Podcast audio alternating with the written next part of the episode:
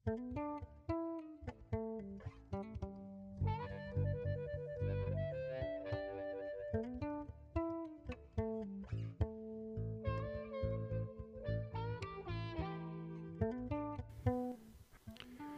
igjen, og velkommen til podkasten min, EUPD, krig og kjærlighet. Dette er episode tre. Og mens jeg nå er her, så uh, tenkte jeg skulle uh, sende en stor kred til uh, Trond Hansen på bass og uh, Rona Lottesen på munnspill. Helt fantastisk. I'm honored.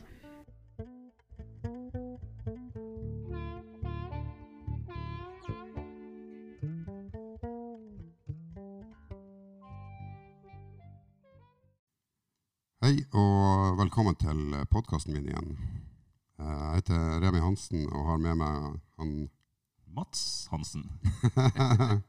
Tobla Hansen. Um, velkommen til episode tre. Takk. Holdt på å si. Vær så god.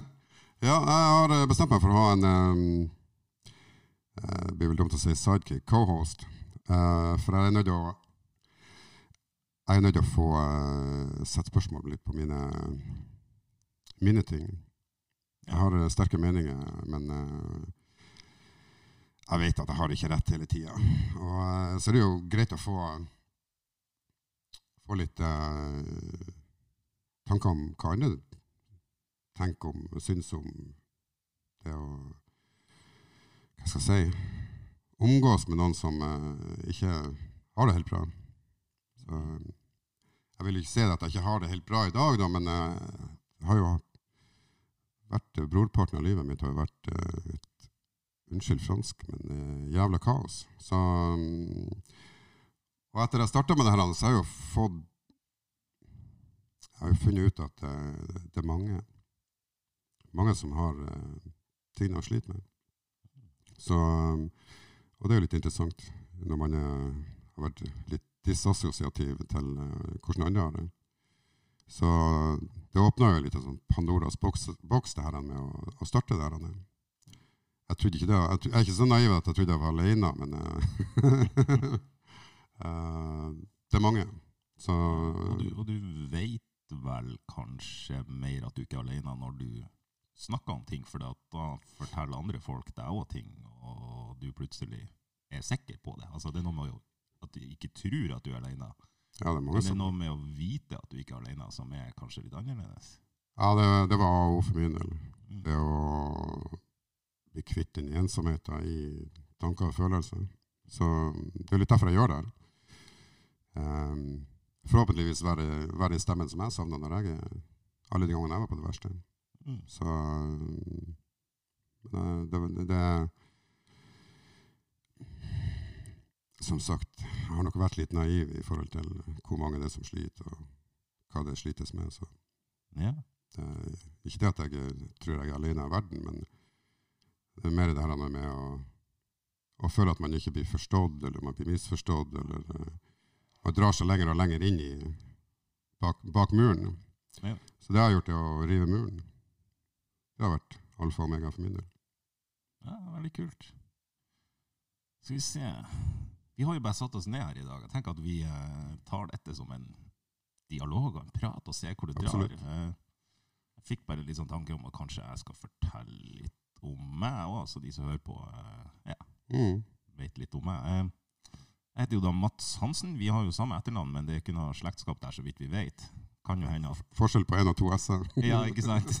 eh, men vi møtes jo gjennom ei eh, felles venninne, og fortalte meg om prosjektet ditt, og jeg tenkte at det var kult, og jeg drev på med mine egne podkastprosjekter. Men det her er noe som dette med, med psykisk helse og psykisk uhelse er noe som på flere måter er, ja, ligger meg nært. Jeg syns det er en fin sak. Jo, og, og, og for min egen del så har jo jeg eh, også en diagnose som heter depresjon. mm. Eh, Det fant jeg ut av for en seks-sju år siden, når jeg hadde en runde der jeg bare tenkte nå må jeg faen meg finne ut av det her. Du eh, søkte sjøl, eller? Ja, jeg gjorde det. Jeg var Jeg fungerte ikke. Jeg, jeg, jeg gikk mye på kompromiss med meg sjøl på mange måter i en periode, og, og, og bare frøys. Jeg stoppa helt opp. Eh, det ble såpass ille at jeg hadde ikke lyst til å stå opp om morgenen. Jeg Ja, det svett og ja, fysisk uvel. Eh, veldig deprimert. Følte ikke noe glede i livet over noen ting. Automatiske negative tanker som altså Uansett hvor mye du prøver å tenke positivt, så kommer det en negativ jævel og bare slår det rett ned igjen. Det er lettere det enn å dra fram det positive. Ja, det er lettere å, lettere å ødelegge noe enn å, enn å fikse det, på en måte. Og det, ja. Men jeg ja, gikk, gikk til fastlegen og sa jeg skal ha en full nevropsykologisk utredning, og, og fikk det. Og det eneste som sto igjen på papiret, det var depresjon. Eh, jeg var, var så gåen da at jeg skjønte ikke hva det var heller. Jeg tenker, Mm. jeg, Er det ADHD? Har jeg en personlighetslidelse? Depresjon? Er det angst? Altså, jeg var redd for at det kunne være mye, og det var litt av depresjonens natur òg, at man liksom Men fikk du litt ro i kroppen når du fikk svaret? Ja, jeg gjorde det. Det er jo en annen ting òg. Jeg har jo jobba med psykiatri i mange år. eh, Mm. Sånn at jeg var veldig sånn komfortabel med hele det her opplegget med diagnoser. Jeg tenkte på det som et, et verktøy til å kunne ta litt tak i ting. da. Jeg tenkte på det som en positiv ting å få satt en diagnose. Eh, Det er der trikset ligger. Ja, jeg Det tror er det. altså. å håndtere en diagnose. Jeg syns diagnose er et fælt ord, men uh, la oss kalle en spade for en spade. Ja. uh, men men uh, det å være, bli komfortabel med, med en diagnose er jo alfa og omega. Det er ikke bare bare å få en diagnose. Man må jo Mm. skjønne at du, du får en plattform, Ja. et svar. Ja. Det må jo være For min del var det iallfall det. Jeg, fikk, jeg kunne lande på det. Mm. Og, og akseptere det, ikke sant? Ok, dette er det. Altså, for min del så var det jeg ville, ha, jeg ville vite. Jeg var veldig keen på det, og det, det tror jeg var en, en bra måte å gå inn i det på. Eh, og det er jo kanskje noe Jeg vet ikke om dette er en anbefaling til noen som kan høre dette og si tenk at, at ikke vær så redd for det. Altså, hvis du finner ut hvorfor du har det sånn som du har det, så er Mm. ikke det det er jo ikke hele deg uansett. Altså, alle er jo mye mer komplekse enn om de har diagnoser. Og sånt. Men det er, det er som du sier, da, det er et verktøy for å klare å håndtere livet og, og hverdagen litt bedre. Altså. Ja. Og, og det, det tenker jeg òg. Altså, altså, litt bedre er jævlig bra. Ja visst er det det. Altså, litt Um, bedre kan utgjøre en så sjukt stor forskjell. At, at det er liksom For det tenker jeg òg, at når man har det vanskelig og sliter, så, så kan man tenke at herregud, veien til bra nok er så jævlig lang og, og, og, og bratt. hva er bra og- nok? Ja, ikke sant? Hva er bra nok? Det, skal man vurdere det sjøl, så kommer man aldri dit. Et, Mm, uh, man må Det er jo kompromisser man må gjøre med seg sjøl. mm, Man er bra nok. Ja. Men uh, ja, det er jo de her eh, følelsene og, og tankene. Ja. Og det blir utløst, utløst av en ting så ofte. mm. Så, eh, men eh, det er jo jeg Hva skal jeg si Du, du gikk gjennom hele, hele utredningen, eller? Ja. Jeg ville bare Jeg er litt sånn Nå skal jeg finne ut av det her. Mm. Jeg vil ikke la noen steiner ligge eh, usnudd. Skal... Men var ikke det et steg å gå, det? Det å, å Ja. Si til legen at jeg sliter? Jo, det var det nok. Altså, nå er det såpass lenge siden at jeg husker det ikke så klart, og jeg var veldig deprimert. Altså, Mm. Så det er faktisk litt blurry. Altså, når, du, når du er skikkelig deprimert, så får du ikke med deg alt. Nei, Eh, men, men jeg husker at det tok lang tid. Og selv om jeg ville det, så måtte jeg bli bra sjuk før jeg ville det sterkt nok. Og når du også er så deprimert, så er faen meg det er tiltak, det òg. Ja, absolutt. og det, er tiltak å, altså det er tiltak å stå om morgenen, det er tiltak å dusje, tiltak å lage seg mat, det er tiltak å gjøre alt. Jeg kjenner igjen det. Så, så det, å, det å gå til fastlegen og si det, og så fælt en nevropsykologisk undersøkelse det, Men det var en enorm lettelse. Altså, jeg tok den avgjørelsen og for til legen, jeg ble henvist videre og, og, og fikk hjelp av en psykolog og fikk en nevropsykologisk undersøkelse og fikk en diagnose, og så, så løsna det ganske mye òg. Det, det, var en- det var faktisk motiverende. Ja. Det var en sånn fy faen, nå endelig. Mm. Jeg har alltid hatt Jeg kan huske i barndommen at jeg må ha hatt depressive perioder helt siden jeg var en liten kid, og, og, og det Ja, det gjør til- gjør at man begynner å spole tilbake litt òg. Ja, ja, ja, absolutt. Samme, samme gjør jeg. Det, det er kanskje et av mine issues i dag. Det er Mm. at jeg, jeg tviler på de følelsene jeg hadde før. Mm. I og med at jeg er nesten blotta for det nå. Så Ja. det er stor forskjell på nå og for tre år siden. Hvordan, hvordan er det der for deg? For Vi har jo snakka litt om det der med, med følelser og, og, og hvordan du er nå i forhold til hvordan du var før. Og Det høres ut som det å få en diagnose var et slags skille der du begynte å håndtere ting annerledes og, og, og fungere på en annen måte. Eh, når du sier følelser før, så har jeg skjønt det litt på deg at det kunne f.eks. være at du kunne bli plutselig veldig sint eller lei deg, eller altså hvordan, hvordan Det, det er jo triggere. Ja. Altså, og har noen av dem enda, men jeg har stort sett kontroll. Men før var det altså, For å si det sånn, jeg fikk en diagnose, Mm. men der jeg, der jeg var der var det bestilt en ADHD-diagnose, en PTSD-diagnose. Eh, psykologen på DPS og Remi, har ikke, du, har ikke du ADHD, så det er ingen som har det. Så jeg stoler på henne. Men jeg ser jo i dag at det, er lett å ta feil. Her personlighetsforstyrrelsene er, de går litt i hverandre. Ja. ADHD og, og emosjonelt ustabil personlighetsforstyrrelse, de, de går litt hånd i hånd. Det ene er du medfødt, og det andre er påført. Ja. Så øh, jeg er sikker på at medisinen der vil ikke gjøre livet mitt noe bedre. Så. Mm. Men øh, det var alfa og omega for min del å få et svar. Et Ja. svar jeg kunne Du ble da feildiagnostisert først, altså? Nei, nei, nei, det var ikke noe diagnose. Det var bare noe hun sa før jeg Ja. dro dit. et. Ok, ja. Altså, ikke i forbindelse, men det var, det var sagt en stund før. ja. Det var en slags teori, på en måte? Ja, det var rimelig konkret, syns jeg. Ja, ja, ja, ja. Så, øh, men men um, han Psykologen oppe på øh, Vesleli, altså han, øh, han var rå. Mhm. Han var, øh, men jeg hadde bestemt meg før jeg dro opp dit. Det var det eneste muligheten jeg hadde. Mm. Kom til å få. Så øh, jeg skulle gjøre en forskjell. Mm. Jeg skulle gjøre en forskjell øh, for livet mitt. Så jeg hadde noen interessante måneder der oppe. Så, men det var det jeg behøvde. Så, og det å få en diagnose er jo på godt og vondt.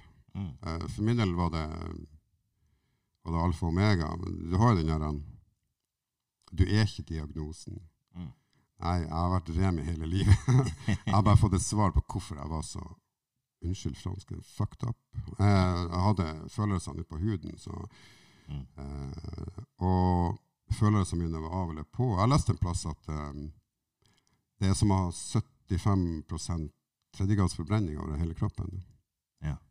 Du føler det fysisk. Nå når jeg tenker tilbake, ja, det er faktisk ei veldig bra forklaring. Mm. Så det, det, det drar Det drar Det tar tak i alt. Jeg mener, forbrenninga mi var jo helt på trynet. Altså helt vill. Hei.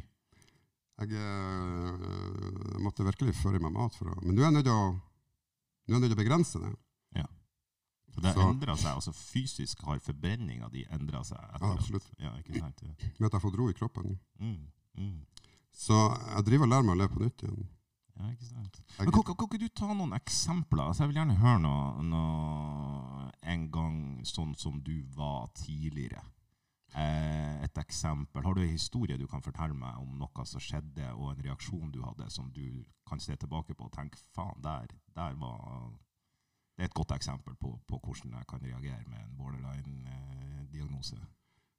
Uh, jeg synes de, går, de går i ett, de der eh, før jeg fikk diagnosen. Men det er jo to hendelser etter jeg fikk diagnosen som jeg har tatt opp før. Men, men eh, det er De er jo uh, toneangivende. Mm. Og um, ene gangen hadde jeg en fluktmulighet, og den andre gangen hadde jeg ikke. Mm. Forskjellen var det at mm, når jeg ikke hadde fluktmulighet, så kokte det over. Mm. Og mm, da vet jeg å fortelle folk et og annet. Ja. Så, Det har, en, det har en Altså det manifesterer seg da i, at, i, i ord, altså. Ja da, ja da, absolutt. Jeg har Ja. eh, aldri, aldri, aldri prata med, med nevene. Så eh, takk Hvorfor, for hvorfor tror du det? Altså, jeg vil jo tenke meg at når, når man har følelsene så jævla utapå, og for eksempel kan bli skikkelig sånn spontan forbanna, for eksempel, så vil det jo for mange kanskje være lett å ty til noe fysisk. Altså, altså måte, I mitt hode så er jo vold det er jo sånn Hvis jeg og du hadde begynt å krangle, mm. og så, og så hadde jeg, både jeg og du vært jævlig sint og jævlig ufin med hverandre, ikke sant? så er det sånn, spesielt kanskje mellom menn, på et eller annet tidspunkt så er det sånn OK, nå har ikke jeg mer argumenter igjen, nå er jeg forbanna, nå kliner jeg til deg. ikke sant? Altså, Jeg har heller aldri vært voldelig. Eh, eh, og jeg er veldig, glad for det. Jeg syns vold er grusomt. ikke sant? Men hva, hva, hva så stopper deg fra å være fysisk, altså å være voldelig? Hva, hva er det med deg som gjør at du, du ikke har gått til det skrittet? Jeg har lyst til å si logikken. Ja. For jeg, vold avler vold. Mm. Og om jeg skulle gå tom for ord, eh, så snur jeg heller ryggen til og går, i stedet for å risikere å påføre eh, motparten eh, skader for livet, i verste fall avlyd, eller at man eh, at man eh, Hva skal jeg si På en eller annen måte påføre noen skader som er uopprettelig, og det er fort gjort. Så i stedet for å Jeg, jeg, jeg, eh, jeg klarer ikke det heller. Nei. Så er det som oftest folk som er full, eller Så jeg har jobba som dørvakt i noen år og fått meg noe på kjeften, men jeg har aldri slått tilbake. Ja. Men kanskje, kanskje hvis du får noe på kjeften, hvordan reagerer du? Og eh, rullegardinen går halvveis ned. Ja. Jeg går i noen sorts modus, men jeg får absolutt ikke til å slå. Spesielt ikke fulle folk når jeg er edru. Hva Ja. er poenget, liksom?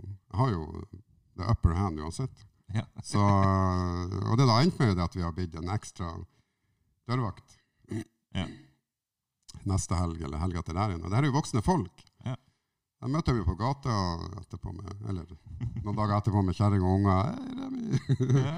Så um, jeg, er så jeg er jo ikke stor til å være dørvakt, så jeg skjønner jo det at de vil yppe seg. Men smerte for min del har vært, uh, har vært medisin. Det setter i gang noe.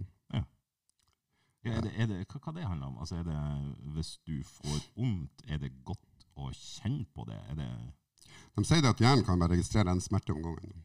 mm, Og, og um, den fysiske smerten i å, å ha en um, dipp, kaller det, går ned i kjelleren, Mm. så um, er så intens at uh, du vet, folk som skjærer seg, mm, de vet jo at det er kortvarig, kortvarig lykke, men, uh, men uh, igjen, det tar om det er det sekundet, den brøkdelen av et sekund, det tar bort en del av det her. Jeg har gjort det én gang, så jeg skjønner hvorfor de gjør det, men jeg, mm. jeg gjør det ikke igjen. Det er avledning, rett og slett. ja, det blir det. Altså, jeg kan kjenne det igjen, for at jeg hadde migrene da jeg var yngre. Ja, da, da. Jeg hadde en lang periode der jeg hadde migrene hver dag. Det viste seg at det var brunost som forårsaka det. Det der han hørte jeg også. Ja, ja, ja, så jeg slutta med brunost på matpakka, og da forsvant migrenene. Men uh, det, det var så ubehagelig og så vondt at jeg husker jeg lå og kleip meg i låret for å ha Mm. vondt en annen plass enn i hodet. Eh, og, og det der minner meg litt om det du snakka om. Altså Ja. Den fysiske smerta kan antagelig da avlede den psykiske, Absolutt. og nesten være en slags lettelse da. At det er sånn åh, Ikke permanent, men, men, men, men, um, det blir sånn brøkdelen av Ja. Og det, det, den lille pausen er det verdt. Ikke sant? det. Men har du, har du noen gang da oppsøkt altså, situasjoner eller der, der fysisk smerte kan Altså der du kan bli påført smerte? Altså har du Nei, uh, nei, det kan jeg ikke si. Nei. Uh, uh, altså Det blir jo selvskading. Ja. Men det fins jo utrolig mange former for selvskading. Så jeg Ja. selvskadet meg på andre måter. Ja, ja hva, hva for eksempel? Uh, jeg er veldig dårlig på uh, forhold som havarerer. Mm. Og da har jeg eh, som oftest uh, havna i rus. Ja. Uh, til man treffer en ny dame. Ja. og så har det vært en pause. Og det har gått en rød tråd i det der. Det et slags mønster? Ja, det har det. Ja. Fordi at eh, jeg kan ikke Jeg kan ikke the basics of love Mm. og alt som kommer med det. Jeg kan i teorien, men uh, hvordan følelser som er tilhører hva, det har jeg ingen peiling på. Og, men jeg, å, å bli forelska, det kunne jeg. Mm. Det var av på. Det var Og du blir ja, det, det, det, skikkelig løste alle forelska verdens hvis du blir forelska? Ja, absolutt. Ja. Det er som å sette på en rakett. Er ikke det jævlig deilig? Jo, visst er det det. Absolutt. Uh, men man- brenner jo lyset i begge endene. Ja. så eh, når, eh, når forelskelsen går over, så, eller gikk over, så var det dødt. Mm. Jeg har jo ingen tvil på det at hun som jeg var sammen med, var glad i meg, eller hadde følelser. Hun sa hun ikke gidda å holde på så lenge. Mm. Men det er jo da problemene mine. Hvordan skal man gjengi, eller hvordan skal man svare på det? Ja. Når det er helt tomt. Og da Ja. kommer de andre stygge følelsene. Ja. Når man ikke klarer å håndtere de andre. Ja. De, lette, de stygge følelsene er lette å håndtere. Så, så når, den, når den akutte forelskelsen er over, da er det plutselig bare tomt, og da kan det komme kjipe følelser. Ja, da, det, da kommer det. For jeg, jeg, jeg kan ikke Jeg vet ikke hva det vil si å være i et forhold. Hva det vil si å være mann i et forhold. Så jeg kan, igjen, jeg kan det teoretisk, men Mm. den emosjonelle delen er en enigma for min del. Mm. Så, men har du prøvd noen ganger? Ja, ja, ja, ja. Så jeg tenker det er bare å slette Tinder-profilen min etter her. Nei, men altså Faen heller, det er jo Ja, komplisert, det der. Jeg, jeg kan jo kjenne meg litt igjen i For, for min del så er det sånn at depresjon påvirker mine forhold på en måte at Altså, jeg er jo egentlig, når jeg ikke er deprimert, så er jeg en jeg livlig, morsom, hyggelig, passe oppegående Mm. fyr. Og, og har veldig mye å gi, tror jeg. Når jeg er deprimert, så jeg, da har jeg jo jeg, jeg føler jo ikke gode følelser. Og, og, og det er jo også da overfor den jeg er i et forhold med. Ikke Mm. Plutselig så er jeg ikke meg lenger. Jeg er helt nede og ja, kan ikke liksom gi det en partner trenger. da. Ja, Og, og, og for min del så er det sånn det er sånn dobbelt negativ, for noe av det verste jeg vet, er å såre andre mennesker. ja. Jeg er livredd for det. Jeg, jeg syns det er jævlig vondt, eh, og jeg vil ikke det. Og når jeg er deprimert, så er jeg negativ. Jeg ser ikke bare det negative i meg, jeg ser mer negativt i de rundt meg òg.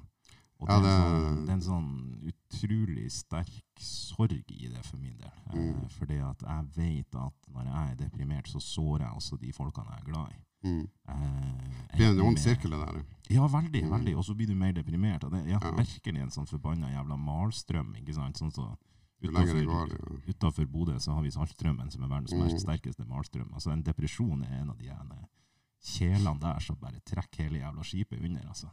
Det er, Ja, det er, det er brutalt, det der. Det er det. det, er det. Mm. Og, og, og, det, det liksom, og det kjenner jeg at jeg er redd for. Å, å, å utsette noen for det. Eh, og da er vi litt tilbake til det du gjør med dette prosjektet ditt, som jeg syns er så jævla fint, er det å prate om det. Ja, det jeg skulle til å spørre, eh, det er vel en, en kommunikasjonssvikt i gåsøya. Ja. Uh, og så er det vel en altså det, det er vanskelig det der. Hvor, hvor, hva skal man fortelle? Hvor mye skal man fortelle? eh, hvor, mye, hvor mye kan man eksponere seg Mm. så man tåler å få i retur uten å bli såra Ja. på en feil måte? Mm. Eh, den sirkelen der er vanskelig å bryte ut av. Den er veldig vanskelig å bryte ut av. Og så er det så jævla fint at når man først tar det valget, Mm. og kommer dit at jeg skal snakke om det her eh, For jeg tok jo ikke bare et valg om å få ei utredning og en diagnose. Jeg tok jo et valg med å snakke med vennene mine, med å snakke med familien min, med å snakke med OMR. Det er. Eh, og det gjør det lettere. Eh, Mm. det plutselig så altså, altså det, er en, det er en klisjé det der med at i stedet for å bære hele børa på dine egne skuldre, så kan du dele den med andre, og det blir lettere å bære. Men det er faen meg sant, altså. Men det er jo lettere for de andre altså, Det blir jo fort lettere for de andre eh, lettere å forstå. Ja, Ikke sant? Så, for det var jo en av de tingene jeg kom til litt underfunn med, med, med meg sjøl. Uh, I og med at jeg har, eh, det var en trigger å ikke bli forstått eller misforstått. Uansett hvor bra jeg la det fram, så var det ikke noe Mm. forståelse å få.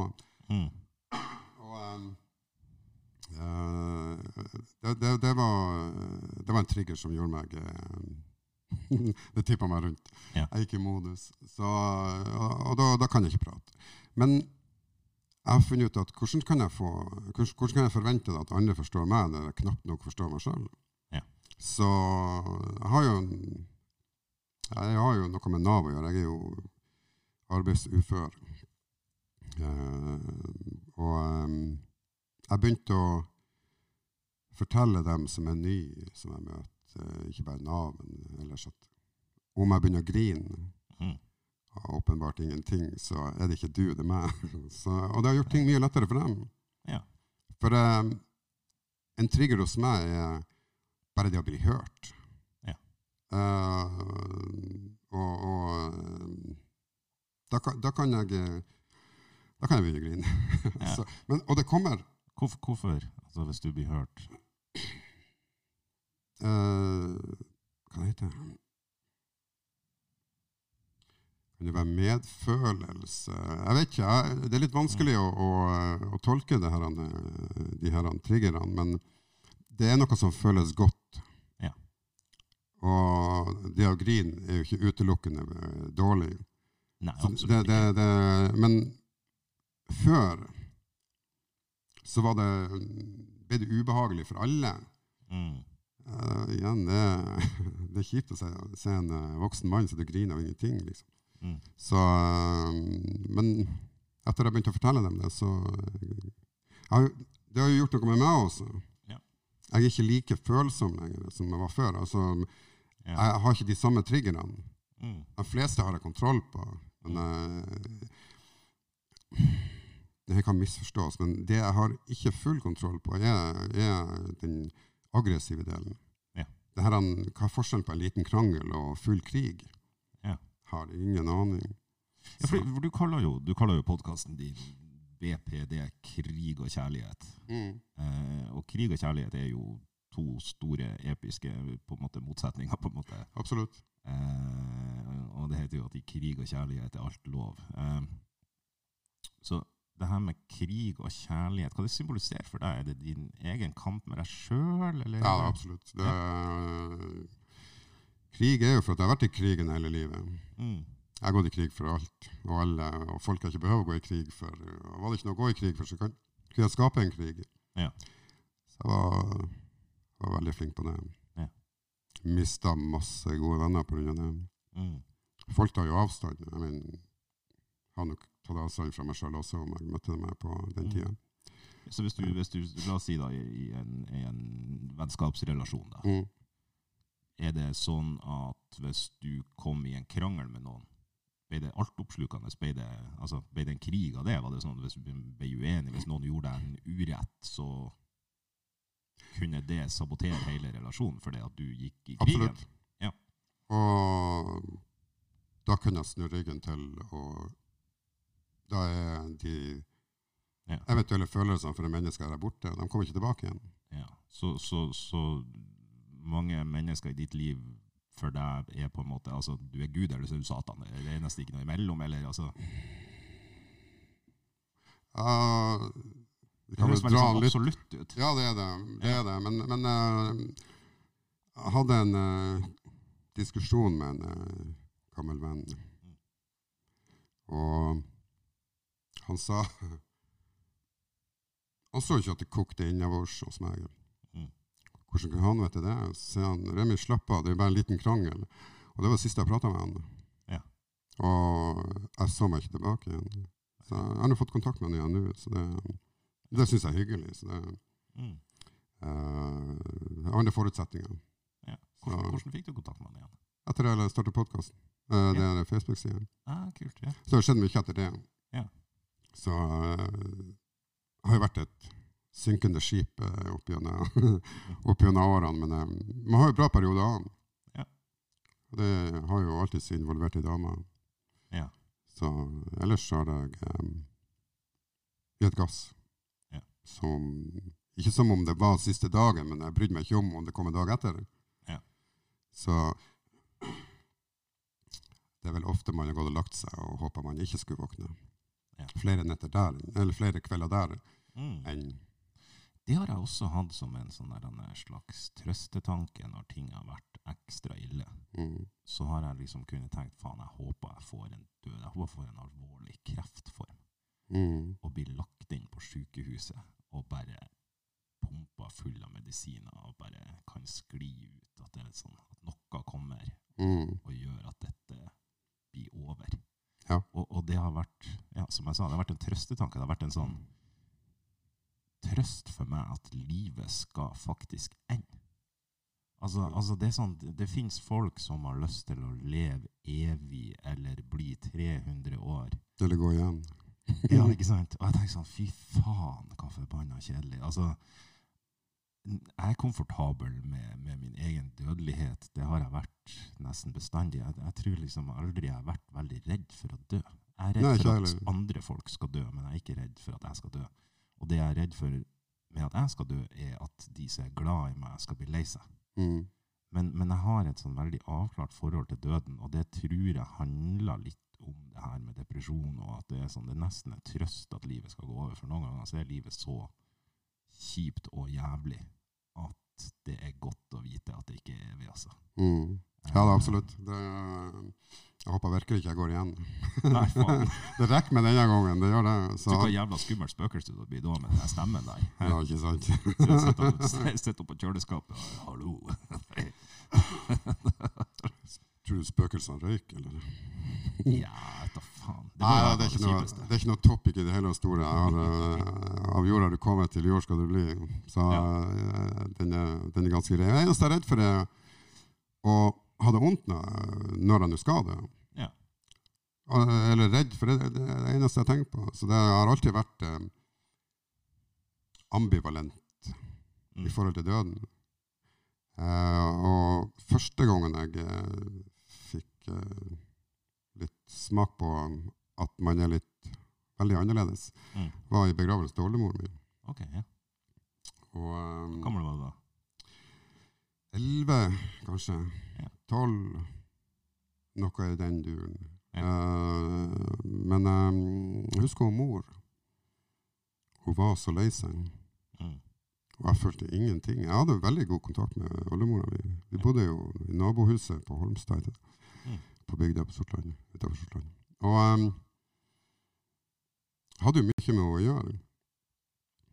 Men jeg mener, døden er definitiv. Mm. Det er ikke noe vei tilbake.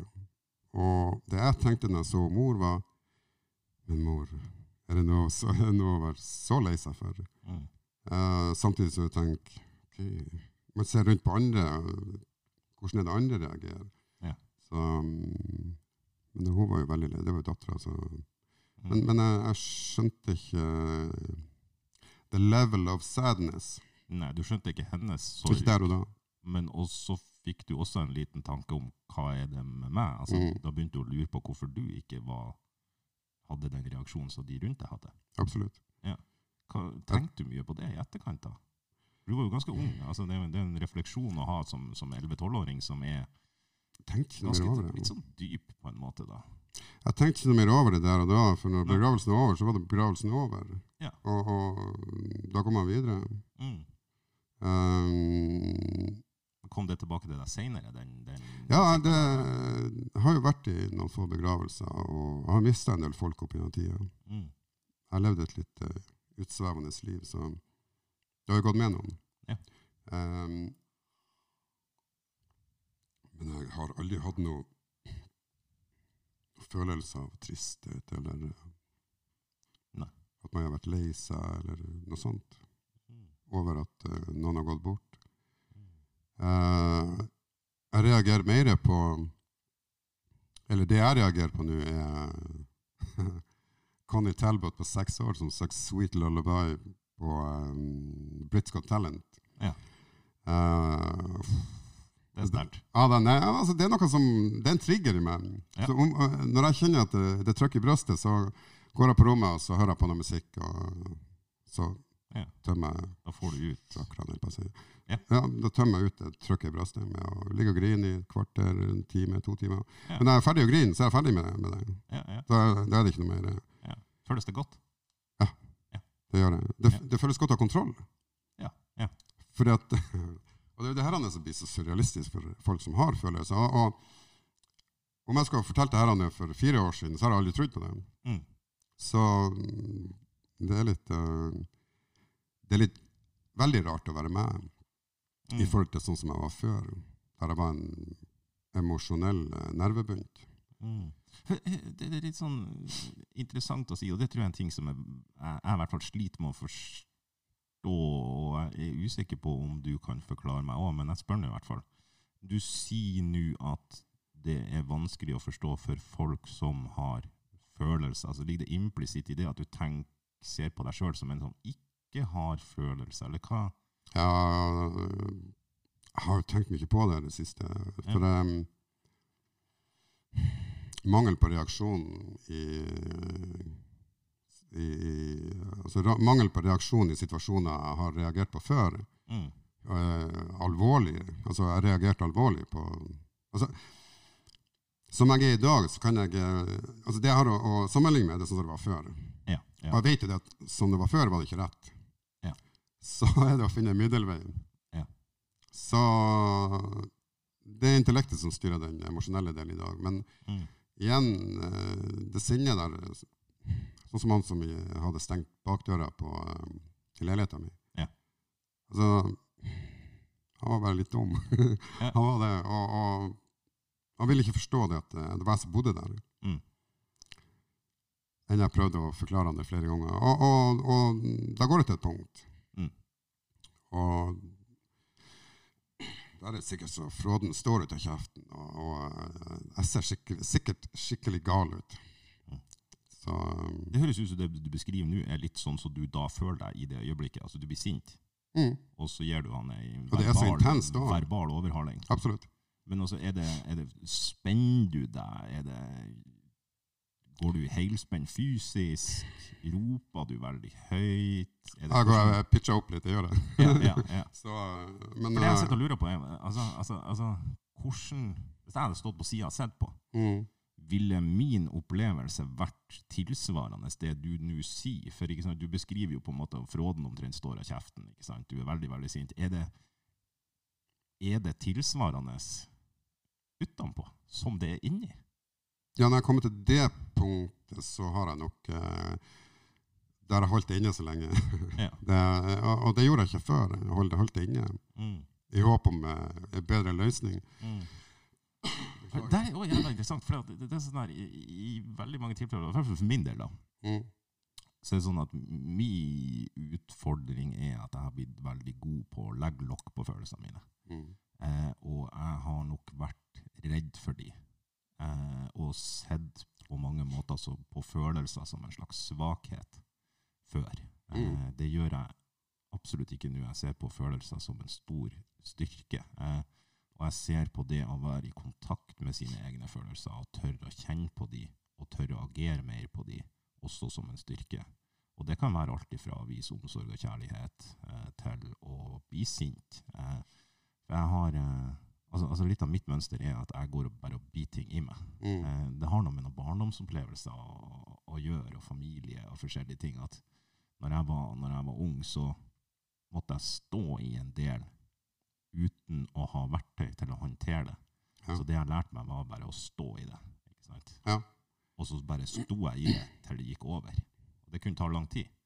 Og derfor Ja, så har jeg blitt sånn jeg, jeg har ikke de rette verktøyene til å håndtere tunge situasjoner, men jeg klarer å stå i det. Ja. Og så er det noe som heter bend, not break. Og det er det jeg har gjort. Jeg har stått så jævla stivt ikke sant? at du knekker til slutt. Ja. Og blir sjuk og blir deprimert. Jeg tror det er litt av essensen i det.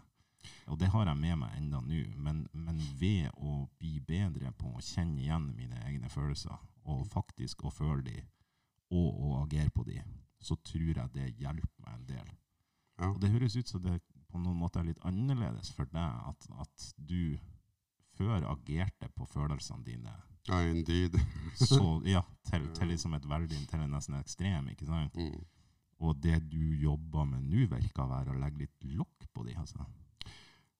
Jeg kan skjønne at det er sånn det merk eh, eller oppleves, Mm. men, uh, men det, er ikke sånn. Okay. det er ikke sånn det er. Um, jeg har faktisk ikke noe svar på det der, annet enn at uh, det, det har skjedd noe. Det har det. Og i begynnelsen så var jeg redd for at jeg skulle ramle tilbake. Yeah. Uh, men jeg har blitt mer og mer trygg på det at det blir ikke å skje. For jeg, jeg, jeg føler jeg har kontroll. Mm. Man vet jo aldri. Men da er det jo fint når folk sier til meg det at uh, du, du trykker bare bort følelsene. Du, uh, du er full av følelser. De, de vil komme tilbake. Og, Ja. Men Ja, akkur akkurat det vi snakka om nå, det, det, vi har vært innpå det litt når vi har prata sånn utafor mikrofonene. mm, Og, og, og jeg, jeg sliter ennå med å forstå hva du mener. Altså, det er vanskelig å forstå hva de greier er, ikke sant? Jeg, jeg, og, og liksom, altså Derfor jeg lurer på om, om, om det også er liksom, om, om vi klarer å finne ut av det med å prate om det. For jeg syns det er veldig interessant, men jeg klarer ennå ikke helt å forstå, forstå det. jeg eh, Igjen, jeg har jo måttet jekke meg ned på det her med, med hva folk hva jeg skal forvente at folk forstår, Mm. når jeg knapt nok forstår det sjøl. Ja, ikke sant? Ja. Så um, Men det begynner å keep with the flow, nesten. For jeg Unnskyld. Det er jo um, Jeg vet ikke hvordan jeg skal forklare det, men det- det er Det er himmel og helvete i forhold til sånn som det var før. Mm. Jeg har et par episoder Én fyr Jeg husker ikke hvem det var, jeg husker ikke når det var, men det må ha vært en de ti siste årene en gang. Fra mellom fem og ti siste årene. Og eh, jeg hadde stått opp med feil fot i kjeften, og eh, jeg hadde horn. Jeg hadde ild i øynene, og jeg husker ikke hvor jeg møtte han henne, men eh, han var en trivelig sjel, og jeg eh, var så, så sint. Jeg har sikkert reist ham både hit og dit, og eh, vanlige reaksjoner bruker få, er jo at jeg blir reist både hit og dit tilbake. Og det, var, det, var, det var greit å håndtere. Det, men han bare Men Remi Også på en kvalmt hyggelig måte. en sånn du ikke kan, kan motstå. Ja. Og mens han, i, altså mens han prata, det var vel sikkert 20 sekunder, så lander jeg på hele Og han sier, Remi, hva er det du er så sint for? På de der ordene der så har jeg gått ifra full pupp til Mm. null pupp. Ja. Og jeg landa, og det å kjenne det der han, eh, Kjenne det der uh, volumknappen gå ned Ja. Så jeg blir stående en liten stund, og så ser jeg Jeg er lei meg for det her. Jeg beklager virkelig. Og fortalte kort hva det er for noe. Men du, jeg må få lov å takke deg. Ja. Det du har gjort, er unikt. Hjertelig takk. Det, det fikk meg til å Ja. Jeg tenker mye på det der. Det, eh, det er jo Om du skal være inne på triggere, så er det jo måten hvordan man håndterer en melding. Nå er det ikke bare, det er ikke bare ordene, ord, altså vok vokalt. Mm. Det har med ansiktsuttrykk, eh, gestikulering eh, Mm. hele, hele opplegget. Mm. Og jeg tolker jo ofte ting inn i noe negativt. Ja. Så, men det han gjorde, var bare Det var umulig å, å, var å reagere noe på, på noen annen måte for min del. Ja, ja. Så det var, det var unikt. Skikkelig, skikkelig ha-opplevelse. Men det der er jo også en av de grunnene jeg tenkte det er viktig å snakke om de her tingene. For det at når Altså, vi har jo alle psykisk helse. Noen, noen sliter mer enn andre, og, men, men de fleste vil jo oppleve et eller annet. Altså om det er kjærlighetssorg eller et dødsfall i familien eller andre altså, traumatiske hendelser, så får man jo Alle har jo symptomer som kan ligne på en eller annen diagnose. En diagnose er jo bare liksom vanlige følelser, litt karikert på en måte, syns jeg. jeg Ja. tenker jeg om det. At det er sånn, hvis, hvis du har Hvis du er veldig lei deg veldig lenge, så er du deprimert. Ikke sant? Ikke sant? Altså, hvis du er veldig sint og glad og trist om hverandre, så er det noe med personligheten din. Altså, det er sånn her, Mhm. det, det, og så er det Alt det her finnes i normalpsykologien, kan vi jo kalle det. ikke sant? Men, men så, er det, så er det noen som har så mye av et eller annet at det blir en diagnose. Men det her med å kunne møte noen som sliter på en god måte, Mm. krever jo kunnskap. Ja, det krever jo at, at, man, at, man, at folk som meg der sitter og prater om det og sier sånn er det når jeg er deprimert. ikke sant? For, for noe av det verste jeg kan møte, er sånn her Er det ikke bare å? Mm. Kan du ikke bare tenke litt mer positivt? Gjør noe sånn i stedet. Ja? Har du gjort sånn? Hvis det hadde vært så jævla enkelt, så hadde jeg faen meg gjort det. Altså. Ja. Herregud, hvor godt det hadde vært. Ja, det, er- det er nesten verre enn å høre stikk og dø. Ja, ikke sant? altså, det, ja. Ja, er, konkret. Ja, ja, ja. Ja, og så kan man jo heller ikke forvente at folk forstår det, hvis ikke de har opplevd det, eller har innsikt i det, eller skjønner det. ikke sant? Så ja, det er noe med å, å, å lære seg, da. Vær han fyren du møtte, da. Mm. Ikke sant? At hvis noen For det, for det har jeg blitt bedre på, og det tror jeg òg Noe, noe av det som er fint med å gå gjennom sin egen drit, er at man lettere ser andre sin. Ja. Og, og hvis noen er kjip, altså, så er det sånn faen, ja, kanskje den personen har en dårlig dag. Hvis noen oppfører seg som en idiot, så har de antagelig de har det sikkert vondt. Ikke sant? Mm. Det er ikke alltid at man skal liksom konkludere med at ja, denne personen er et rasshøl. Mm.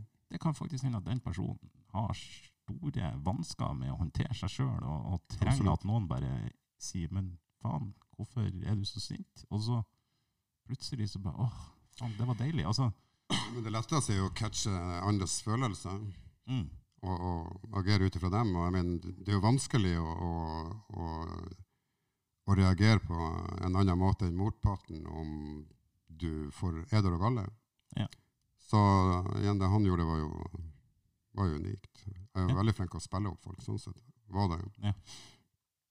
det og følelsene var av eller på. De er det jo enda, men langt imellom dem. mm, mm, Så jeg har vel hatt Jeg Har mer erfaring på å være nede under uh, mediumstreken enn over. Det er lettere Det er lettere å håndtere det svarte, mørke, det negative. I og med at det har vært en sånn dominant part av livet mitt. Vil du si at det er en trygghet i det òg? Altså, for det er jo kjent, da. Mm, jeg vet ikke om jeg vil bruke ordet trygghet, men igjen, det var det jeg kunne. Ja. Um, men så har jeg vært Jeg er jo jævla sta. Så når jeg hører at uh, folk uh, har sånn sesong Jeg skjønner at det går an, Mm, men jeg skal ikke være sånn. så det, det, er, det er vel kanskje mer med å være obstinat. Remi tar oppvasken. Mm, jeg skal ta den, ja. Remi tar oppvasken? Ja, ja. Mm, når jeg vil. altså, eh, det er jo en eh, relasjonsdøder uten like. Så mm, stahet på godt og vondt. mm, mm.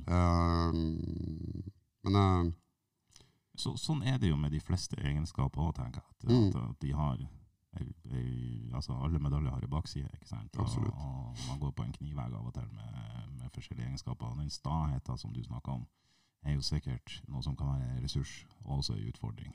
Og, og, og sånn er det jo med veldig mange ting, tenker jeg. Og det tror jeg òg er en sånn en fin ting å være bevisst på, at vi har alle våre personlige egenskaper som kan være til nytte for oss, og også kan være et problem.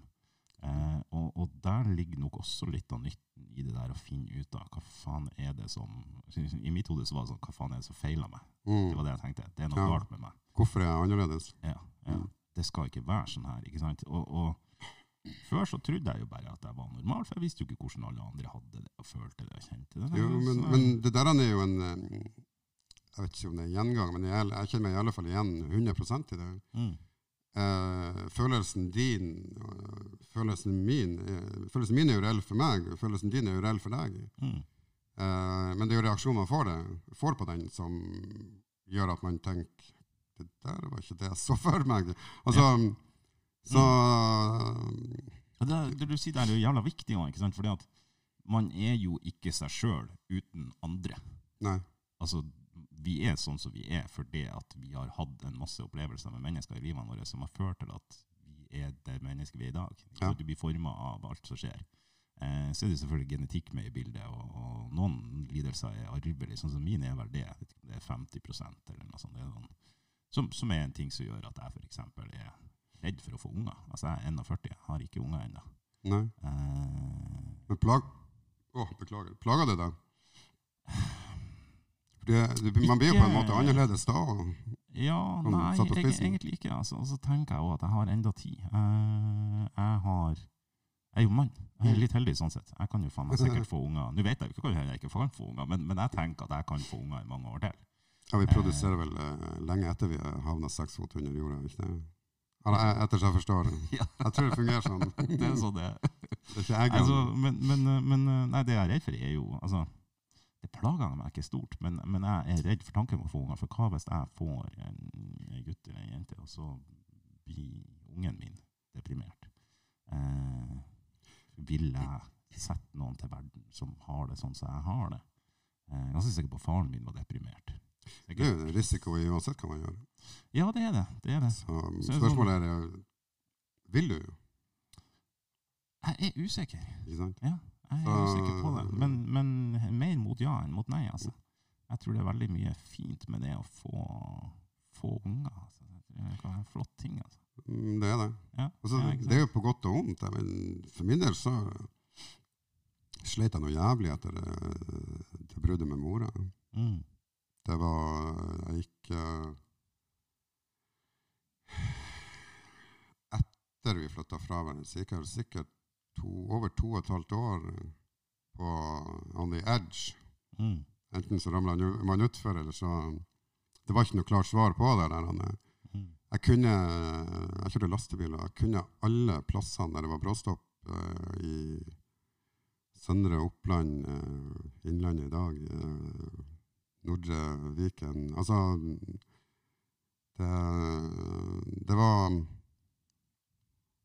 Jeg har ikke lyst til å bruke ordet helt jævlig, men eh, det var Det var intenst.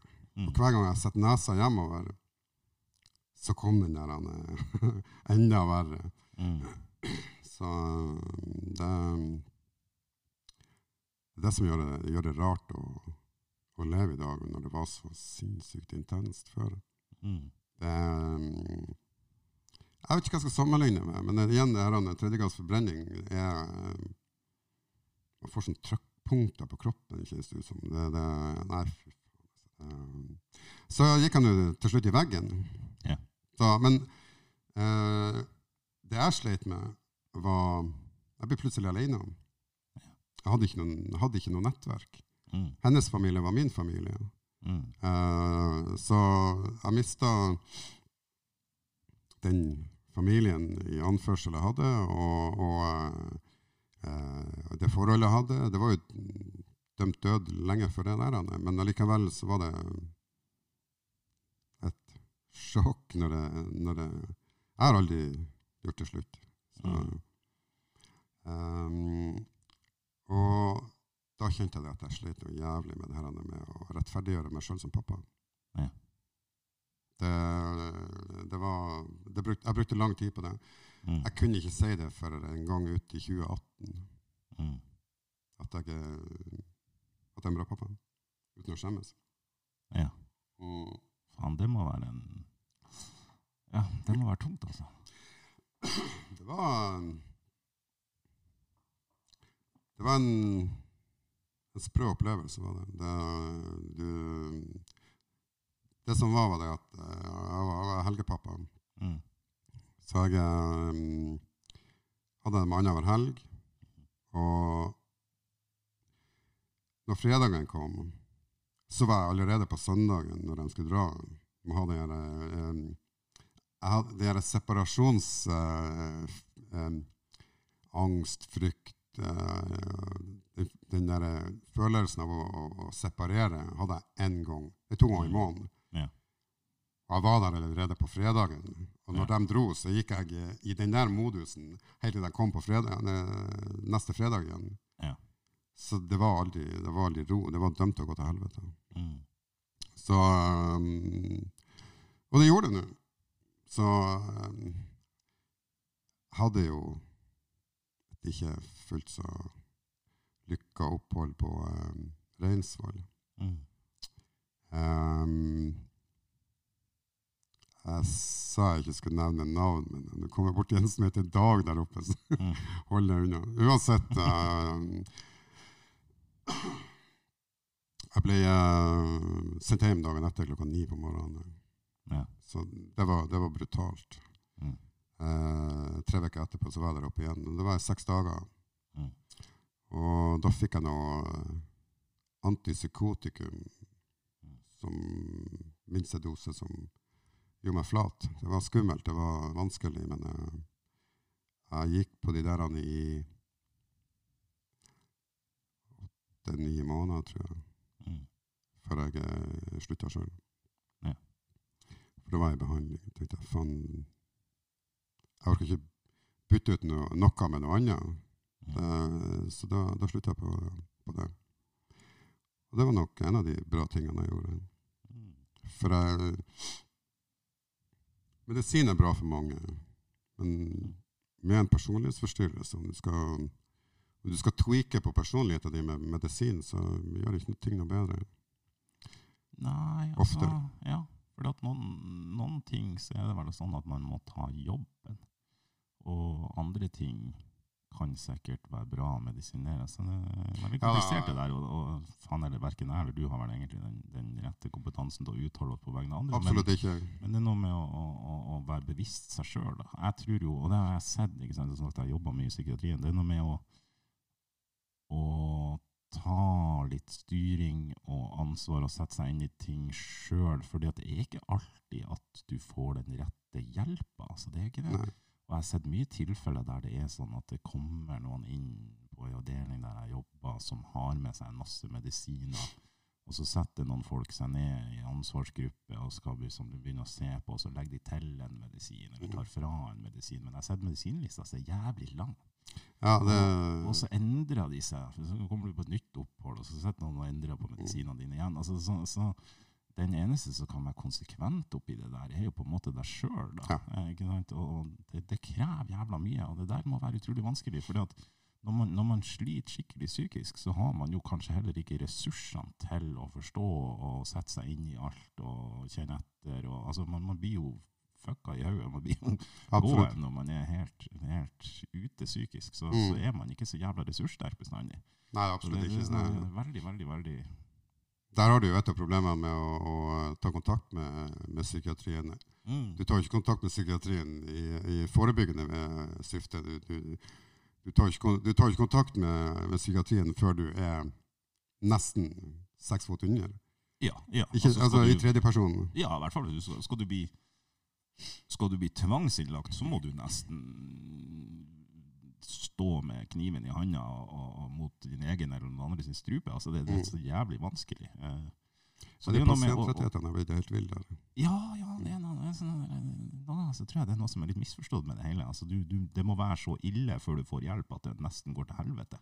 Og for mange så gjør det jo det. Eh, Mm. Så det er vanskelig, altså. er Ja, komplisert.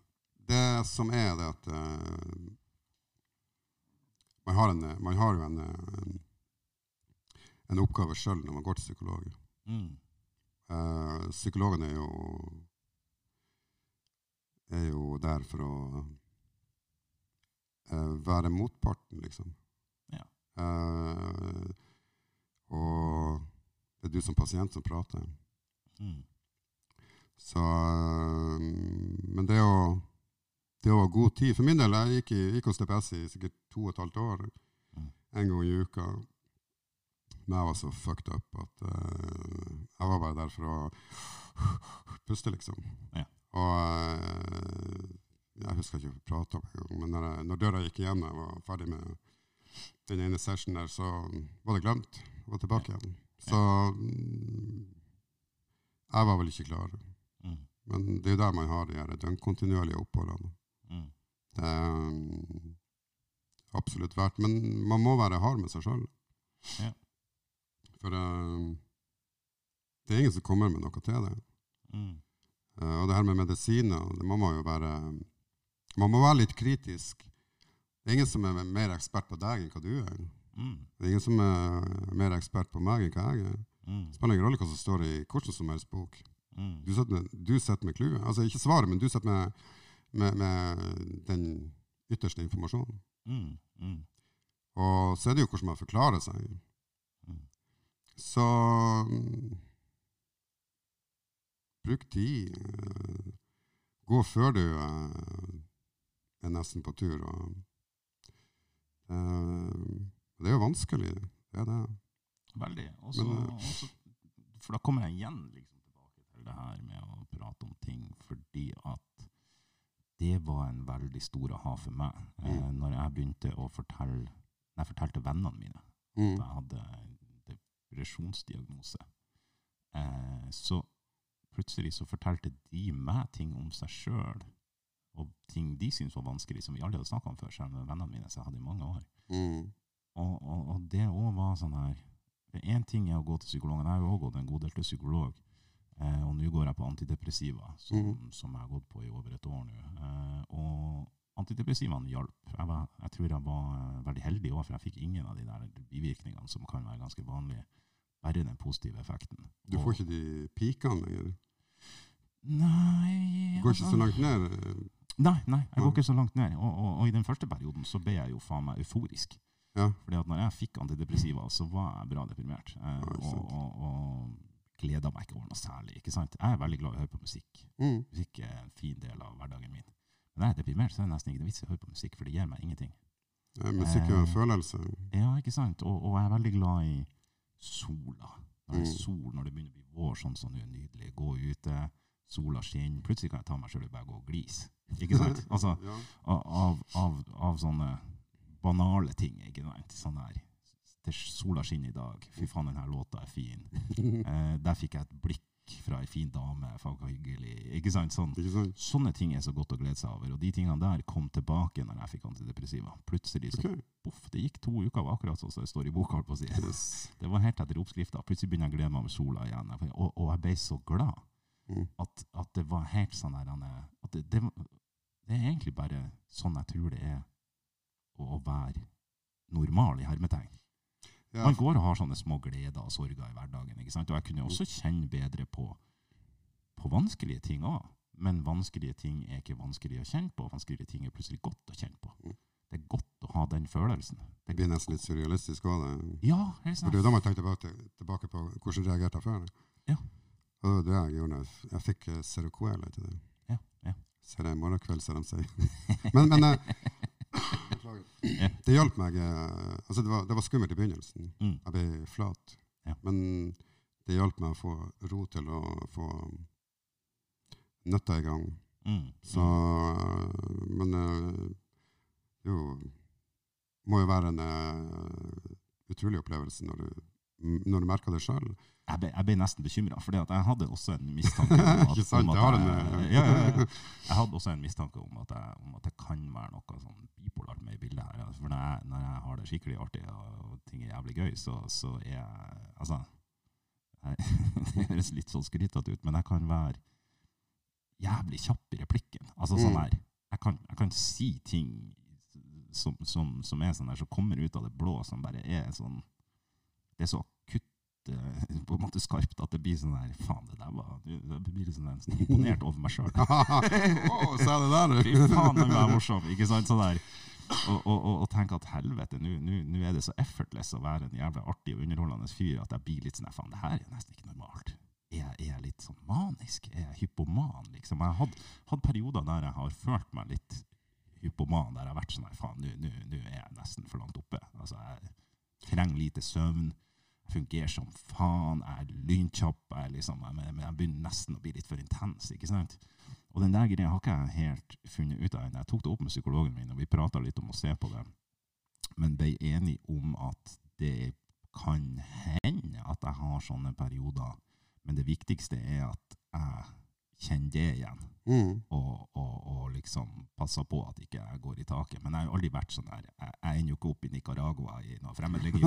sant? Altså, det er ikke sånn Men, men, eh, men eh, helt. Men jeg kan være litt sånn, litt sånn ukritisk og, og litt sånn der smågæren i det øvre sjiktet. ikke sant? Men det også føles jo jævlig deilig når du har hatt noen sånne nedturer som er så jævlig dype. ikke sant? mm. Å få noen sånne her euforiske perioder. Men den, den jeg hadde etter jeg fikk antidepressiva, det snakka jeg om psykologen min om, det var rett og slett bare en så enorm lettelse over å ha det godt igjen Mm. at hun sa det er helt normalt. Faen heller, du, du hadde tungt så lenge, og når du nå har det bra og du kan glede deg over småting i hverdagen, klart du er jævlig glad. Klart det føles det, eh, nydelig. det er jo der, eh, det er der eh, det såkalte styggen på ryggen kommer hele tida, i min verden. Mm.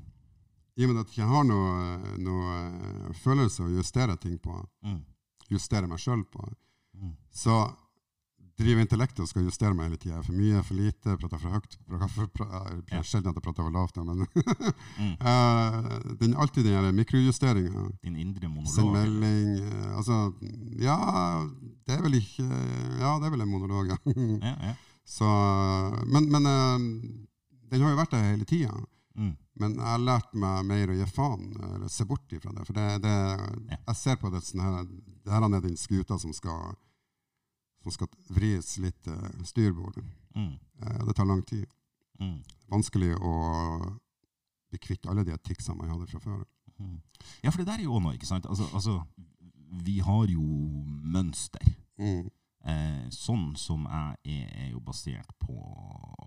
Et, et mønster i min personlighet. på en måte. Mm. Og så er det noe med å begynne å ta tak i ting og skal snu den skuta, som du sier. ikke sant? Og det her med langsiktighet. For hvis du har brukt ikke? Jeg er 41. Mm. Det har tatt meg 41 år å bli sånn som jeg er nå. Ja. Jeg skal forandre meg. Ikke sant? Og det, det, det jo folk stiller jo spørsmål med er det mulig for mennesker å forandre seg. Jeg tenker jo at det er helt klart at det er det. det, det jeg har forandra meg som person. Garantert. Mm. Altså, Jeg er mindre sint enn jeg var før. Jeg var jævlig mye sint. Sinne kan jo være et, et Men det er du som har gjort det, det er ikke noen andre som har gjort det. Det, der, det tror jeg det er litt av clouet som kommer. Ja, ja, altså Jeg vet da faen, jeg. Jeg er i hvert fall forandra i ganske stor grad. Jeg var jævla utålmodig før. ikke sant? Mm. Det, det er jeg enda, men mye mer tålmodig. Mye mer. Og, og, og mindre sint enn jeg var før. Var Og distré òg, eller? Ja, ja sånn, For det tar, det, det, sinnet tar jo en del av uh, fokusen. Ja, ja. Eller den der konstante uh, småaggresjonen. Mm, mm. Den jeg sitter og irriterer seg over alt mulig drit. Og, faen, jeg var en internettkriger før, altså. det Var det jeg var til? Å, fy faen. Nei, det, altså det Jeg kan tenke meg til at du har vært en god kverulant òg. Ja, jo, sikkert. Jeg vil ikke verken svare ja eller nei på den, men eh, OK. Sikkert, ja. Eh, men altså Det jeg Det var nå én ting. Bare Man leser noe dumt, kommenterer på det. Mm. Det er bare det, selvfølgelig bare så dumt. Ja. Men så har du det her når man får, man får svar på tiltale. Ja. Det håndterte jeg ikke så jævla bra. så jeg har enda drypp der jeg kommenterer ting. Sånn som jeg var i Bergen hos broren min eh, for en måneds tid siden. Ja. Og eh, jeg var på eh, ja, urettferdig, jeg skal ikke nevne navnet på den sushien, men jeg var på en sushirestaurant i Bergen, og, og jeg bestilte to uh, tempura maki. Mm. Så sier jeg eh, Jeg ble så forbanna over det gliset hennes. 278 kroner, sier hun. Jeg bare, Hæ? Har du trykt feil? Jeg skal ha to tempura maki. Det koster 150 kroner i byen. Og eh, så ble jeg så dum. Jeg, jeg, jeg følte meg faktisk litt dum, så jeg tenkte fuck det. Jeg kan ikke bare det- kansellere hele det der. Jeg tar én i stedet, så går jeg rett ut i bilen og finner eh, Facebook og kommenterer. Så eh, hva er det som gjør deres sushi, sushi så jævla mye bedre enn den som finnes i Oslo? Så, men jeg, jeg slutta å lese på tilsvarene. ja, ja. Så jeg er bare ute etter å ytre meninga mi. Jeg er ikke ute etter en diskusjon. Men Er det en slags ventilering for deg, da? Å, å ta det liksom på en Det er jo irrasjonell ventilering. Ja, det funka. Det gjør Ja. Så lenge jeg ikke begynner jævlig mye med oss som er irrasjonelt. Altså, faen heller, jeg, jeg bare trigga litt på at du sa irrasjonelt, for det har jeg tenkt litt på. Eh, vi vi, vi eh, mennesker er ikke rasjonelle. Det er en sånn tekstlinje fra en som jeg kjenner som er rapper. Han har en sånn setning han sier 'mennesker er ikke rasjonelle'. Og så et eller annet. Men vi jeg har trodd det. Jeg har trodd det om meg sjøl, at jeg er så jævlig rasjonell. Jeg har Mm. trodd at det var et av mine sterke liksom. Men man vil jo tro det. Altså, Selvfølgelig. Det, er jo, det er jo, høres jævla fint ut å være rasjonell. mm, Og så har jeg liksom li- litt sånn der han er rakka litt ned på folk som er emosjonelle. Hva faen emosjonell? Fy faen, det er svakt, altså. Du kan ikke la følelsene styre deg, ikke sant? mm, Og så har jeg plutselig snudd så jeg er sånn, faen, dæven hva fint det er å være emosjonell, dæven hva fint det er å ha følelser, dæven hva godt det er, og hvor mye bedre valg jeg tar for meg sjøl. Altså. Sånn, helt ned på banale nivå. mm. Så du, du er ute og skal spise, da, når det er Nå gikk han en gang før i tida. og. Og så, og så er det sånn Nå har jeg lyst på en makirull. Mm, Det har jeg jævlig lyst på. Det tar jeg. Ikke sant? Du kjenner hva du vil. Og det er det med å være i kontakt med følelsene sine. er Hva vil jeg nå? Hva har jeg lyst til? Hva vil jeg med dette mennesket? Hva vil jeg med vennene mine? Hva har jeg lyst til å gjøre? Hva har jeg ikke lyst til å gjøre? Ikke sant? Å klare å ta valg for seg sjøl basert på det emosjonelle, i tillegg til det rasjonelle, er så jævlig mye mer enn styrke. For det er ikke enten-eller. ikke sant? Jeg tror ikke vi har det valget. Du, du, altså, på en eller annen måte så har du noen slags følelser som, som ligger der og prøver å fortelle deg et eller annet. Hvis du klarer å høre etter og kjenne etter, og, og ta emosjonelle kobla opp med rasjonelle valg og kombinere de greiene der. Men det bare sjokkert meg når jeg begynte å kjenne på mine egne følelser, hvor jævlig lite rasjonelle vi mennesker egentlig er. Mm. Hvor forbanna kompliserte jævla kaos. Og det er Så- egentlig jævla fint. Sånn som jeg ser på det, så blir det komplisert når man mikser følelser i det. Ja. Ja. Det, ja, Men det er jo kjempekomplisert. ja, altså, altså ra, rasjonelle følelser Mm. Eh, Hæ? så jeg eh, tar utelukkende valg eh, i dag på intellekt. Det er jævlig interessant, for jeg, Ja, jeg, jeg, har, jeg har liksom det er litt sånn motsatt. Jeg har begynt å Det er sånn det var. mer, mer føle. Ja. Men det, er- det, faen, det er interessant. Kanskje, en, kanskje en kombinasjon av meg og det hadde vært jævlig bra. Ja, det uff. Jeg tør ikke å føle, for jeg vet ikke hva jeg føler.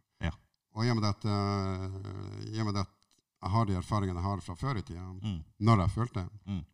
så vil jeg ikke tilbake dit. For Mm. jeg vet Altså, det blir så komplisert det her, Mm. syns jeg, når jeg skal forklare. Mm. Men jeg um,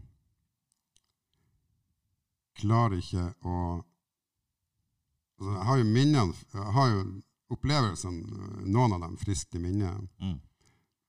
Men jeg kan ikke sette noe tidspunkt på dem. Mm. I og med at det, det var mange ganger i året at man gikk ned i kjelleren. Eh, og det er så intenst. Mm. Og de følelsene som er der Mm.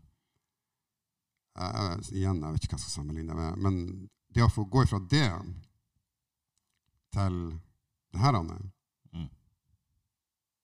Det er, det er stort sett bare idioti som gjør meg forbanna. Ja, ja, ja. Så Men vi, vi, vi snakka litt om det der i stad, før vi satte oss ned her. Og så, og så tegna jeg noen streker i lufta. Jeg, så spurte jeg deg er det sånn at du nå er litt mer sånn, og så tegner jeg på en måte en flat strek. mm, Versus at du før var Så tok jeg fingeren opp og ned i en linje, ikke sant? så det ser ut som ei, ei fjellkjede med høye topper og dype daler. mm, Er, er det en god beskrivelse på før og nå? Ja. deg? ja.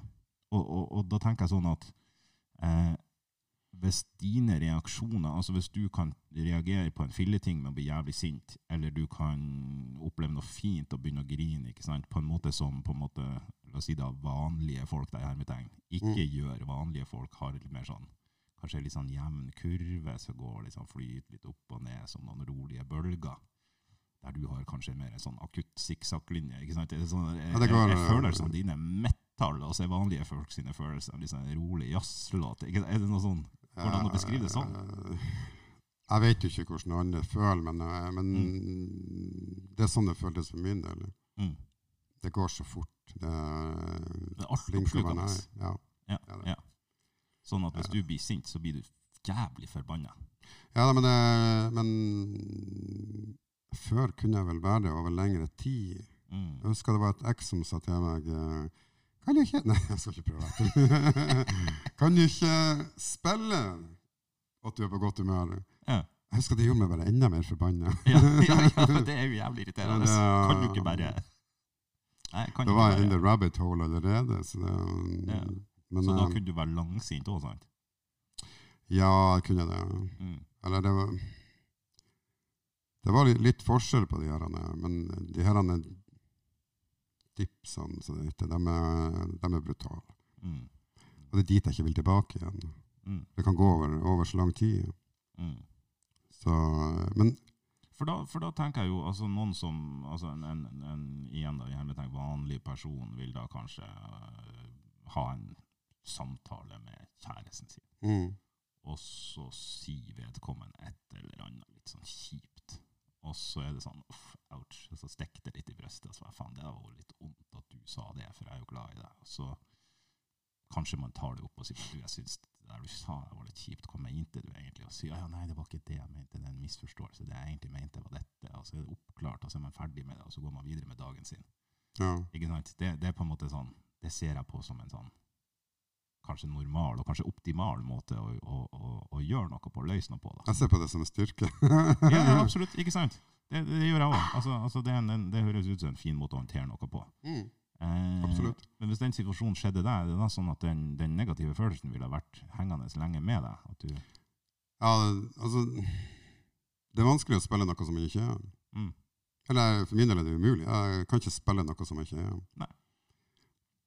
Så det, er vel lettere å spille på dårlig humør enn når man er på godt humør, enn, enn omvendt. mm, Eller det er det. Jeg, jeg kan ikke spille Jeg kan ikke, kan ikke gi deg et skjevt glis.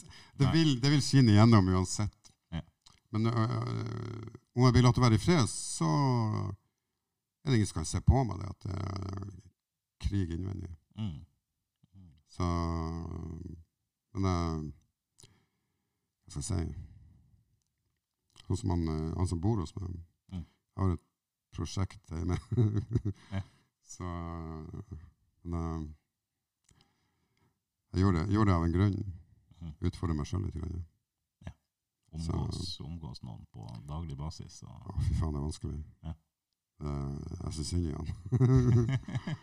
Men men, men uh, hvor mye av altså, Er det da sånn at du i den relasjonen der da har en slags sånn innvendig krig med å håndtere ting som blir sagt, opplevelser i hverdagen? Altså, Jeg kjenner rett. Jeg kjenner Styggen eh, skal justere meg hele tida. mm, Og det er mer da. Er mm, det.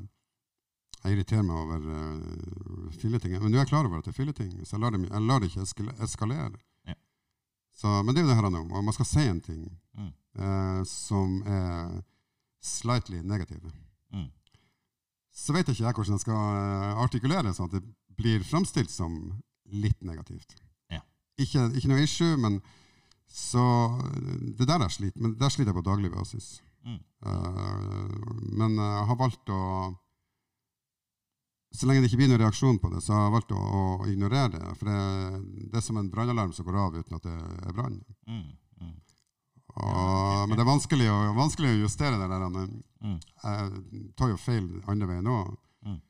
Men eh, det er bedre det enn å, enn å bli full blown eh, sint. mm, Eller det, Og en annen ting jeg merker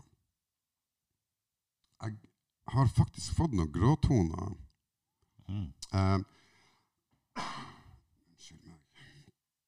For eksempel Herregud, jeg skal, skal dra et eksempel. Eh, ja, hvorfor gjorde han sånn mm, når han skulle sånn? Mm. Og så er, er det et menneske som sier ja, men eh, hva om han skulle det? Mm. Ja, hva om han skulle det? og ja, det er logisk. Mm. Like logisk som det kommer. Men jeg så ikke den. mm, mm. Der, er, der er, har jeg mer Litt sånn sort- sort-hvitt, Absolutt. egentlig. Ja, ja. Det er den ene løsninga, eller det ene problemet. Ja. Eller eh, Ja. Det er òg jævla interessant, fordi at eh, sånne absolutter og sort-hvitt, det er De er sjelden for meg, altså.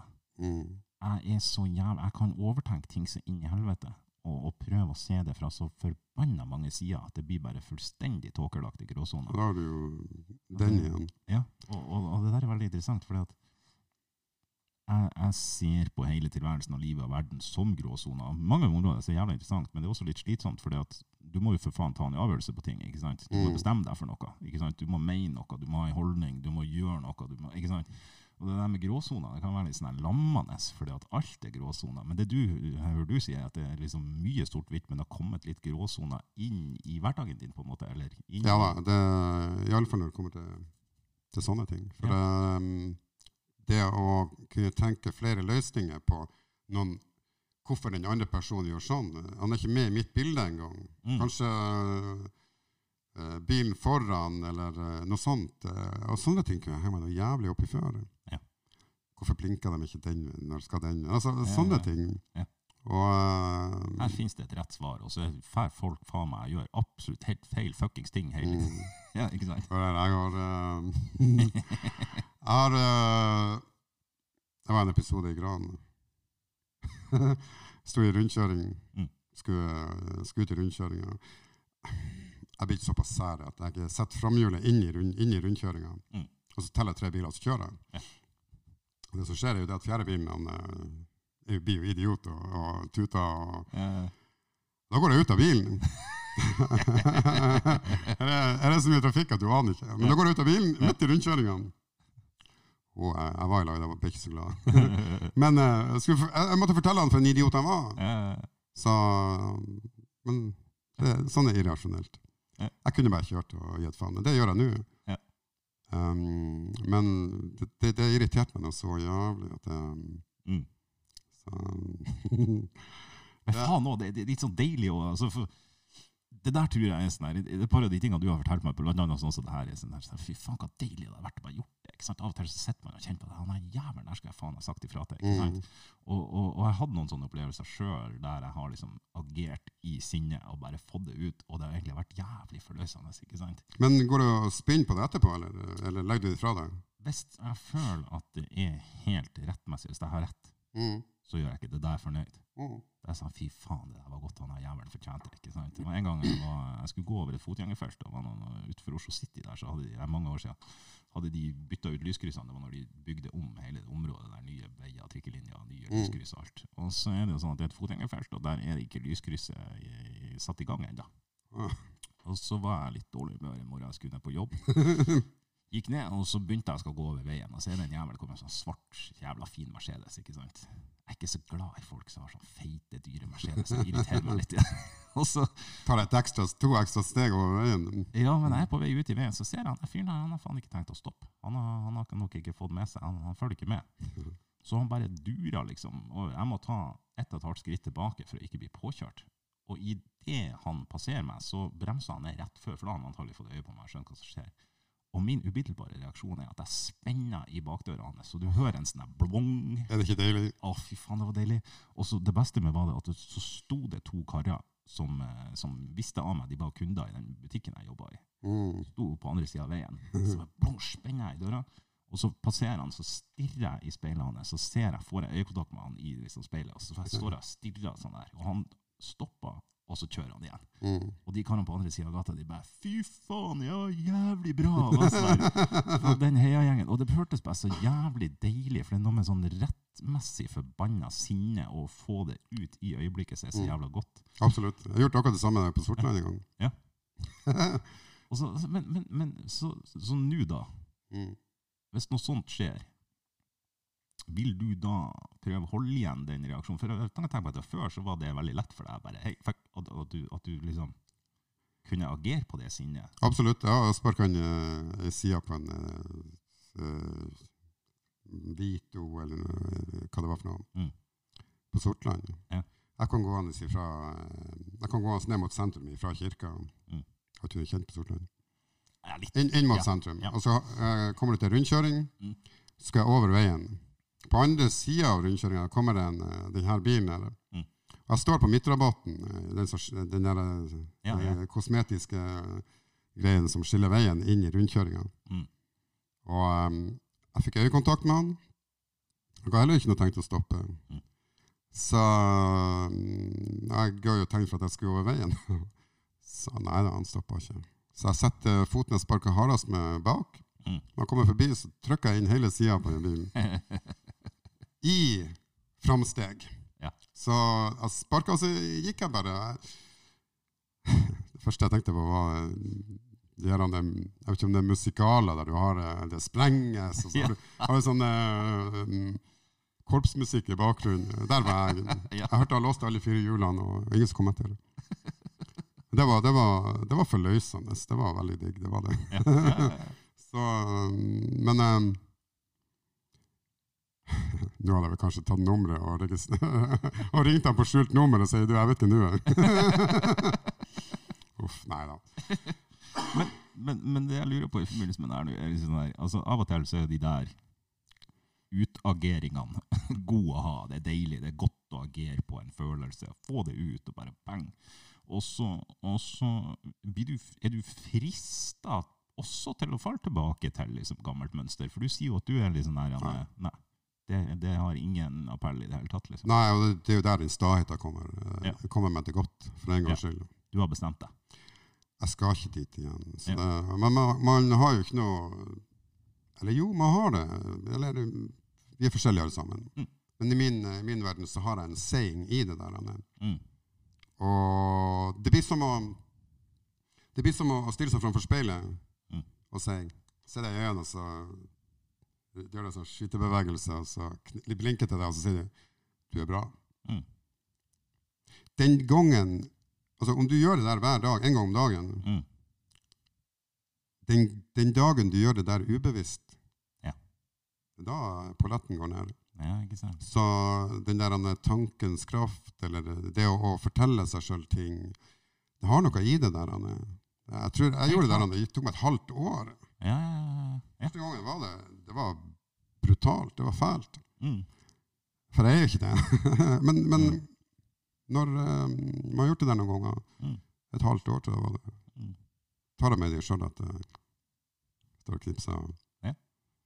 Ja, men det er lurt å gjøre det. Gjør noe sånt eh, en gang om dagen, eller Ja, for det, det, det, det du sier er jo at det handler om å snakke til seg sjøl på en annen måte. Altså, altså for at jeg, når jeg har det kjipt, og, og sikkert litt generelt, og jeg er nok litt sånn lavere tuna uh, i, mot negativt enn de fleste er, Mm. så, så snakker jeg til meg sjøl på en jævlig dårlig måte. Ja. Min indre monolog, min indre stemme, ikke sant, er jo rasshøl. Faen, så kjip jeg er med meg sjøl. Etter å bryte seg sjøl mer ned enn å dra seg opp. Så jævlig. Og, og det der å begynne å snakke godt til seg sjøl, og, og, kjenne på positive ting, og vite at man er bra, og, og har noe å komme med, og har noe å bidra med, ikke sant. Og ja, vær snill med seg sjøl. Altså, faen, det, det, for det er noe sånn der En enkel måte å se på det er jo vil du behandle din beste venn som du behandler deg sjøl. Ja, sant? Ikke sant? Vær nå faen meg din egen venn. Altså, og da blir du en bedre venn til andre folk. Det har så jævlig mye fine ting som, som følger med seg. Da. Apropos, Sånn, ja. hva er venn? Hva er forskjellen med venn og kompis? Det er jo noe jeg sliter med på daglig Ja. basis. Mm. Hva er um, Alltid følt meg som en ræva venn. Mm. Uh, igjen det her, han, uh, den der uh, indre monologen som justerer hele tida. I og med at jeg ikke får noen følelse at det har gått for lang tid at man har ringt, så, så har jeg ikke noen alarmklokke. Mm. Og jeg får ikke dårlig samvittighet heller. Mm. Men, men før var det noe som plaga meg. Det, altså, det plaga meg litt at jeg ikke kan Jeg skjønner ikke forskjell på venn og kompis. Ja. Eh, for man blir, man blir kalla det i, Det er ikke noe mønster i det. Mm. Så jeg, jeg, jeg, før kunne jeg irritere meg litt over det, for, for at jeg ikke skjønte det. Ikke for at andre mm, misbrukte i anførsel eh, ordene. Mm. Det var jeg som ikke skjønte det. Mm. Fortsatt jeg som ikke skjønner. Men, eh, men eh, det plager meg ikke i dag. Nei. Det der plaga meg før. Mm. Hva er, Hva er- hva er nesten litt ærefrykt å bli kalla en venn. Nei, jeg er ikke noen venn, jeg er en dårlig venn. Så mm, Altså, altså Jeg tenker at en av de tingene som, som kjennetegner en, en god venn, er noen som er der også når det er drit. Mm. Eh, det er ikke sagt at folk nødvendigvis skal sette seg ned med teppet i lag med deg og sitte og se på deg mens du har det jævlig, men at noen, noen er der tilgjengelig. At du- det at er ikke følelse i det der òg. Jo, absolutt. absolutt. Og, Mm. og, og det der er så jævla viktig, for det er jævla mange som skygger banen når ting blir vanskelig, Mm. fordi at de ikke klarer å håndtere det. Eh, og der tror jeg folk som sjøl har opplevd jævlige ting og har hatt det vanskelig, altså sånn, kanskje kan være jævla gode venner. Så jeg, er ikke, jeg, jeg er ikke redd for om du har det kjipt. Skremmer Skrem meg ikke. Det er ikke, noe, det er ikke farlig. Jeg, og og, og hvis, noen, hvis noen vil snakke med meg om noe tungt, så er det en jævla fin tillitserklæring. Mm. Så der tror jeg du kan være en jævlig god venn, for du vil jo at folk skal snakke med deg hvis Ja. det er vanskelig, og du vil også dele dine egne ting. Og det, det, det er det ikke alle som klarer. Og det, det er greit at ikke alle klarer det. Det er helt ok. Men å, men å få det til, og kunne gjøre det, og kunne være, være den personen for noen, det er veldig fint. altså. Jeg har jo tenkt litt, eh, litt på det der, Anne. Mm. Hvorfor, hvorfor det er sånn. Jeg tror det kan ha, med det at for, det- for det første så blir jeg ikke emosjonelt involvert. Og det er jo det igjen som drar ned det her, Anne. Eh, vennegreiene. Mm. Igjen, overtenk litt. eh, men men jeg, jeg spør vel kanskje de spørsmålene som få andre tør å spørre. Mm. Fordi det er ikke noe, emosjonell reaksjon på, på ting. Mm. Jeg er jo ikke frekk. Det er der eh, um, intellektet kommer inn. Man, Mm. altså man vet jo hva som er frekt, og hva som ikke er frekt. Og, men jeg vet jo òg det at uh, f.eks. folk som er syke, Mm. alvorlig syke, har veldig lyst til å prate om det. Mm. Men det er ikke det du starter en samtale med. Nei. Og det er jo ingen som tør å starte en samtale om hvordan har du det. Ja. Så Og vanligvis når noen sier hvordan du Altså, hei, hvordan går det? Det går bra. Altså, det er jo det som er ofte er svaret. Altså, man, må, man må litt lenger ned i materien enn det. Mm. Man må, og da, den der tror jeg For det har jeg veldig ofte tatt meg sjøl i den lille løgna der. Hvordan går det? Ja, det går bra. mm. Det går jo egentlig ikke bra. Jeg har det jo ikke bra. Jeg har det jo Men, du, men øh, om du har et lite sosialt eksperiment med deg sjøl, Mm. og så sier du Neste gang du blir spurt, Mm. alt etter omstendighetene, men så sier du nei, det går ikke så bra. Mm. Prøv å kjenne på temperaturen i samtalen, hvor den forandrer seg på et Mm. øyeblikk. Mm. Ikke hos alle, da, men hos folk flest. Mm. For det er vanskelig. Hva, skal, hva man skal gjøre da? Det, der, er- det var ikke det svaret jeg forventa å få. Nei, nei, du skal, du skal jo si det går bra. Ikke sant? Ja. Så um, Men uh, jeg har det bra i dag, så det, jeg kan ikke Jeg lyver ikke. Men, men om jeg skal dra det her ned på, på litt uh, Ikke mikronivå, men i nærheten, Mm. da å dele opp, så Det der derav kjærlighet i, i, uh, i tittelen på podkasten, Mm. det er noe jeg virkelig kan tenke på å ha lært. Mm. Men jeg er nødt til å lære det av noen som kan fortelle meg hva det er. Mm. Uh, Jeg, jeg tror vet da faen. Det er jo et jævlig stort spørsmål. ikke sant? Hva, Mm. hva er kjærlighet? liksom? Men det jo, det jo altså, Og det vil nok være mange definisjoner på det. og Så finnes det sikkert noen tekstbokdefinisjoner, og så finnes det sikkert noen kjemiske forklaringer. og så det sikkert noen ting. Men, men, men en ting som jeg tenker er kjærlighet, er jo vil den andre noe godt. Og, og, og liksom å gjøre gode ting for andre mennesker fordi at man bryr seg om dem og vil at de skal ha det bra. Jeg tror liksom der, å, å, å kunne oppleve glede av at andre har det bra, eller at andre får det bedre, eller at noe fint skjer for dem. Hvis- man kan kjenne på glede på andres vegne, Ja. og vil gjøre ting som gjør at den andre personen har det godt. Altså Det kan være store ting, og det kan være små ting. ikke sant? I, sånn, I et forhold så tenker jeg sånn der Bare det å, å, å, å gi noen en klem eller et kyss fordi man vet at det vil de ha, helt sånn uoppfordra ut av det blå, eller å si noe fint til noen. Mange vil ha ikke sant? Ja, ja, ikke sant? Ja. Blomster har jeg alltid slitt med, altså. Jeg vet da faen, det blir en sånn konstruert greie. Det er sånn her.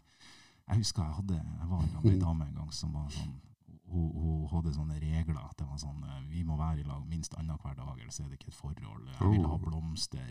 Sant? Hun ville ha sånne konkrete tegn på, på som, som var sånn, det her er ikke min måte å vise kjærlighet på. Mm. Du ber meg om å, altså det, og, og da blir det enda vanskeligere. Ja, jeg har vært borti det jeg der. blitt bedre på det der nå, men det, på, den, på den tida, det her er, det her er, faen det, er nesten 20 år siden, men det var sånn der, da kunne jeg i hvert fall ikke kjøpe blomster. Nei, det blir helt feil. Fordi at jeg har fått beskjed om det. Mm. Det er ikke ekte. Ja, jeg, jeg har en uh, likens opplevelse. Hun, hun kjøpte faktisk blomster til meg Også. Ja. Så nå er det din tur. Ja, ikke sant? Ja, Nei, det. Fins ikke en sjanse. Hun fikk ikke noe blomster. Så Vet du, hva, vet du hva jeg sa til henne? For faen, det her er kjipt. Altså. Jeg sa til henne at blomster er sånn som menn kjøper når de har gjort noe gærent. da vil dere, ikke ha blomster lenger. Jeg har, eh, jeg har sittet på tunnelbanen. Jeg bodde, i- Stockholm i noen år. og satt på tunnelbanen, der kommer en fyr med den jævla buketten. Ja. Det er det første jeg tenker på. er, mm, hva du gjorde i går. Ikke sant? Nå skal du få sote, liksom. Så det, har, eh, noen har jo er ganske kynisk, egentlig. For det er jo faktisk noen karer som er bare jævlig fine karer og kjøper blomster. Ja, ja, absolutt, men det ser sier jo, det sier jo mer om meg enn hva det sier om mannen. ja, ja, ja, ja. Jeg vet jo ikke hvem han er engang. Jeg bare ser, ser en fyr med, med en stor bukett med blomster, så det, Ja, er det letteste å dra han dit. Vet du. ja, ikke sant? Hva i helvete er det du har gjort? Ja. Så, og det var en stor bukett òg, så det var liksom the fuck? Han må ha gjort noe ordentlig gærent. men det er, jo, det er der jeg, kjenner jeg forandrer meg litt, det her med å få noen gråtoner. Mm. Fikk jeg, en, eh, fikk jeg en konklusjon før, så var det det som var. Da var det ikke noe Mm. Uh, Jeg behøvde ikke å, å vurdere den konklusjonen engang, for den ja. føltes rett. Ikke sant? Men han fyren med blomsteren, Mm. han har vært gift med den samme dama i 20 år. Han er ennå jævlig glad i henne. Mm. Og av og til så bare føler han for å kjøpe henne en bukett med blomster for at hun er så jævlig flott. Mm. For, ikke sant? Ja, Hvor mye det- finere historie det er enn at dæven der, se på han utro jævelen der. Han Ikke var- sant? Ja da, men altså 20-åring i går, det. Og det er sånn Faen, det, det, er godt å, det er godt å kunne å kunne stille hodet sitt om på sånn og fortelle sånne historier om seg sjøl og andre folk. mm, Altså fine ting. Absolutt. Og, og det der er sånn her, faen, òg, det er faen meg en vei ut av mørket. ikke sant? Det fins jævla mye mer fint enn man kanskje, kanskje tror. da. Absolutt. Og det å, å eh, Det å kunne høre andre som sliter, fortelle litt at de sliter, Mm. hva de har slitt med Igjen, det var det jeg eh, søkte når jeg var alle de gangene jeg var i, i mørket. Mm. Faen, det der, vi skal ta den. Nå har vi sittet og prata i over en og en halv time, så jeg tenkte vi burde begynne å runde av. Men, men apropos det der, ikke sant? At du oppfordrer jo folk til å snakke med hverandre. Du oppfordrer folk til å snakke med deg. Ja, Jeg og du sitter her og snakker nå. Mm. Hvordan oppleves det for deg når noen tar kontakt med deg og, og, og forteller deg om vanskelige ting? Um, jeg tar det som et kompliment. Mm. Jeg har fått noen, eh, noen henvendelser som, som gjør det veldig godt. Det er jo mennesker som er ærlige på at uh, de sliter. De um, kjenner seg igjen i, i, i ting jeg forteller.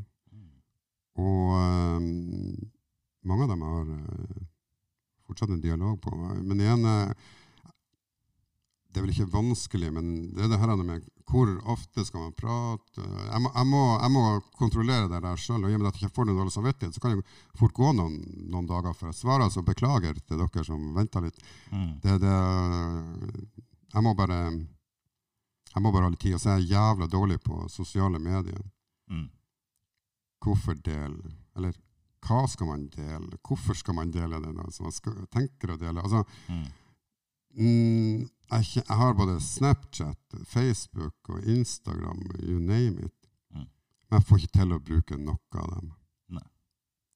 Det, jeg, jeg, jeg, jeg vet ikke hva det er for noe. Det, det plager meg ikke heller, men det er jo derfor jeg starta denne Facebook-sida. Mm. Det var jo for å, å, å eh, ta tak i psykisk uhelse. Mm.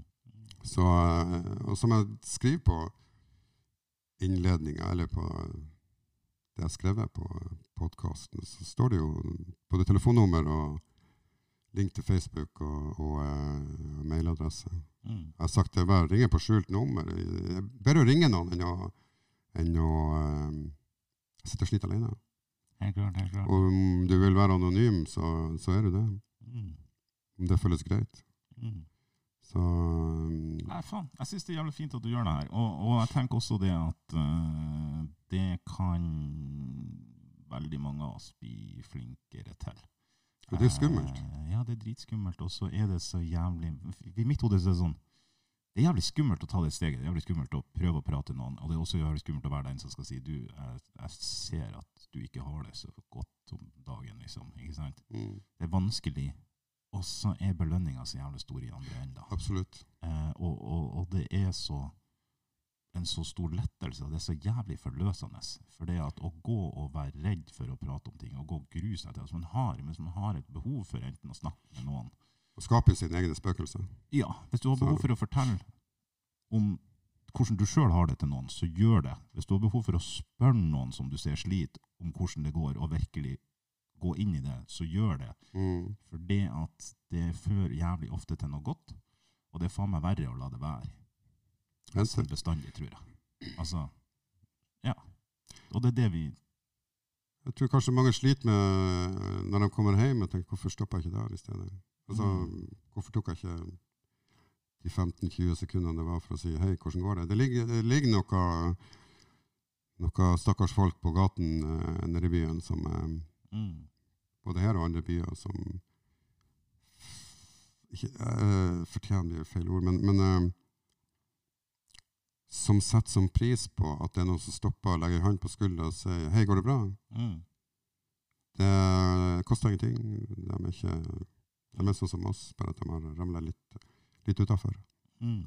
Og, og det er jo det samme med, med sykdom. Med, man må begynne en plass. Mm. Så for eksempel, jeg satt og venta på CT i Stockholm. Eh, og jeg kom først inn på venterommet. Uh, ikke så lang tid, for det rydde inn med folk. Det satt vel seks-sju mennesker der. En så verre ut enn de andre. og De kommer inn med kontrastvæske. Jeg visste jo hva det var for noe, men jeg visste jo hva det var, men jeg spurte han ene allikevel Du, har du en til overs? og da begynte han å flire. Mm. Nei, nei, det er kontrastvæske. Ja, OK. Hvorfor det? Altså, da var man i gang. Ja, han har fått testikkelkreft for seks måneder siden. Mm. Og da, da, da har man, da man starta noe. Ja. Da fikk han muligheten til å fortelle det uten at han starta med det. Mm. Så, og jeg slo en liten spøk på kontrastveska hans. Så det skal ikke så mye til. Men man må, man må kvele det i frykten for å drite seg ut. Helt klart. Og så tror jeg det, er noe, det ligger en litt sånn fin metafor i det du sier nå, at det ligger eh, kanskje like mye hjelp på venterommet som det gjør inne hos legen. Absolutt. Og, og hvis vi klarer å, å, å hjelpe hverandre der vi er, Mm. i de relasjonene vi har, så har vi jo selvfølgelig et helsevesen og alt mulig annet som i Norge fungerer relativt greit, men det er ikke nok. Det er ikke, det er ikke der alt skal skje.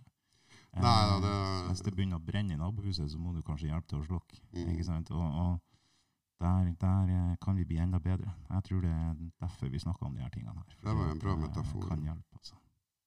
Om det brenner, brenner i nabohuset. Så sitter jeg ikke bare og venter på at det ikke skal begynne å brenne litt. Nei, nei. Da, hvis du har ei bøtte vann, så må du kanskje, Mm. kanskje hive deg rundt. Og det som du sier, det koster så lite, og det gjør så mye. Ja, og lite er ikke lite. Nei, nei, nei, men altså, det- det- ikke sant? Det, det er å tenke at, at altså, å gjøre noe er så jævlig mye bedre enn å gjøre ingenting. Mm. Det er en enorm forskjell på litt og null. Mm. No effort on huge reward. Mm. Så um, Nei uh, Det her må vi gjøre flere ganger. Det her synes jeg var, var uh, mye lettere enn enn, å sitte alene. Ja, så fint. Jeg er med, altså. Du- Kanskje vi skal få med noen andre folk en gang. Absolutt. Ja. Det, jeg behøver å bli Jeg behøver å bli ikke satt på plass, det, det liker jeg ikke. Men uh, bli stilt spørsmål på Ja. de, mine, mine ting. Mm. Så har alle, har alle ting. Alle har ting, og de skal vi snakke om. Mm. Nei, men faen. Hjertelig takk, eh, Mats Jo. Hansen. Det var kjempetrivelig. Uh, Sett pris på det. Gleder meg til fortsetninga. Jeg også. Yes. Da sier vi eh, takk for oss. Takk for nå. Fortsatt god mental helse. Hei.